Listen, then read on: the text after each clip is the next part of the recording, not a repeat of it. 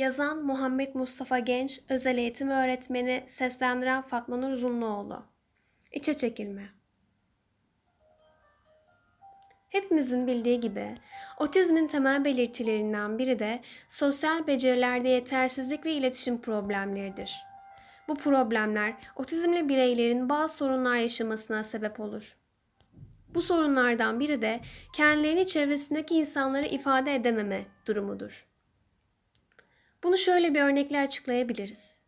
Normal gelişim gösteren bir bireyden kendisini sadece beden dili ve hareketleriyle ifade etmesi istense, bu birey kendisini sözcüklere dökmeden bunu ne derece başarabilir?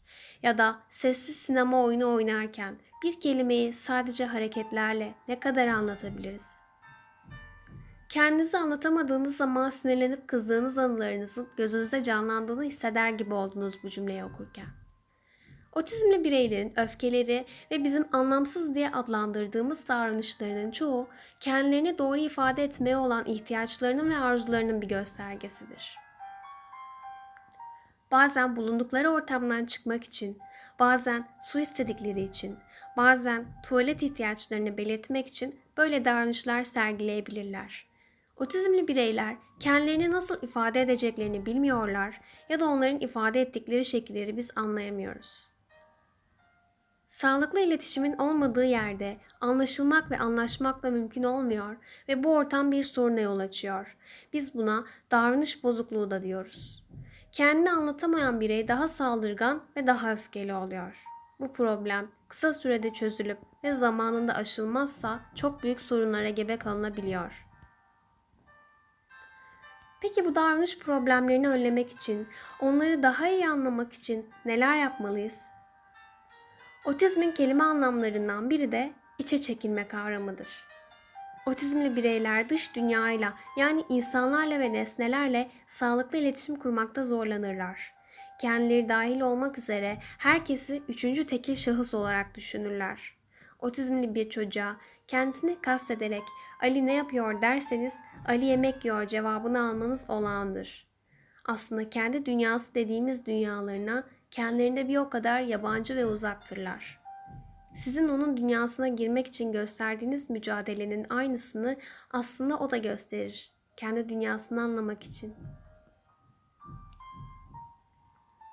Otizmli bireylerin çevresindeki yetişkinlere düşen sorumlulukların başında hiç şüphesiz otizmi fark etmek ve kabullenmek gelir ve onlara vereceğimiz en büyük yardım içe çekilmelerine izin vermemektir.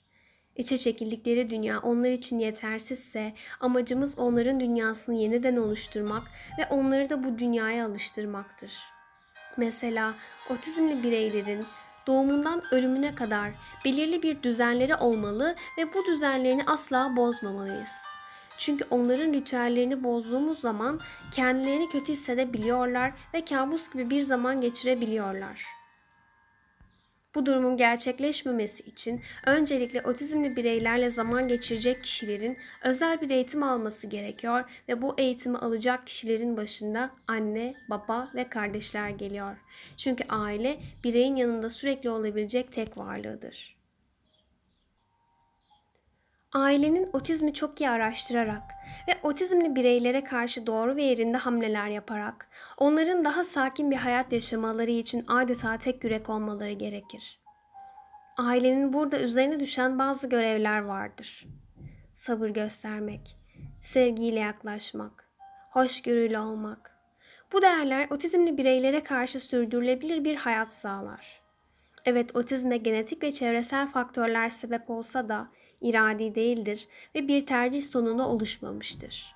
Bu bilinçle hareket ederek onların dünyasının neden farklı olduğunu sorgulamak yerine bu farklı dünyaya nasıl adım atabiliriz sorularının cevaplarını aramalıyız. Ayrıca psikososyal müdahale, yöntem ve davranış değiştirme metotlarıyla onların dünyasını yeniden oluşturmalıyız onların çevresiyle sürekli iletişim halinde olmalarını sağlayarak dünyalarını genişletmeliyiz ki içlerine bizi de alabilecekleri yeni alanlar oluşturabilelim. Otizmin standart bir tedavisi olmasa da otizme standart bir bakış açınız olmalıdır. Hoşgörü ve merhamet. Otizm bir yolculuktur ve bu yoldaki azığımız mücadelelerdir. Tekrarlayan ritüellere rağmen otizmi tekrar tekrar kabul etmek ve otizmli bireyleri tekrar tekrar sevmeliyiz. Son olarak şunu söylemeliyiz ki evet onlar bazı şeyleri nasıl söyleyeceklerini bilmiyorlar belki ya da biz onları nasıl dinleyeceğimizi öğrenemedik. Peki ya sizce hangisi?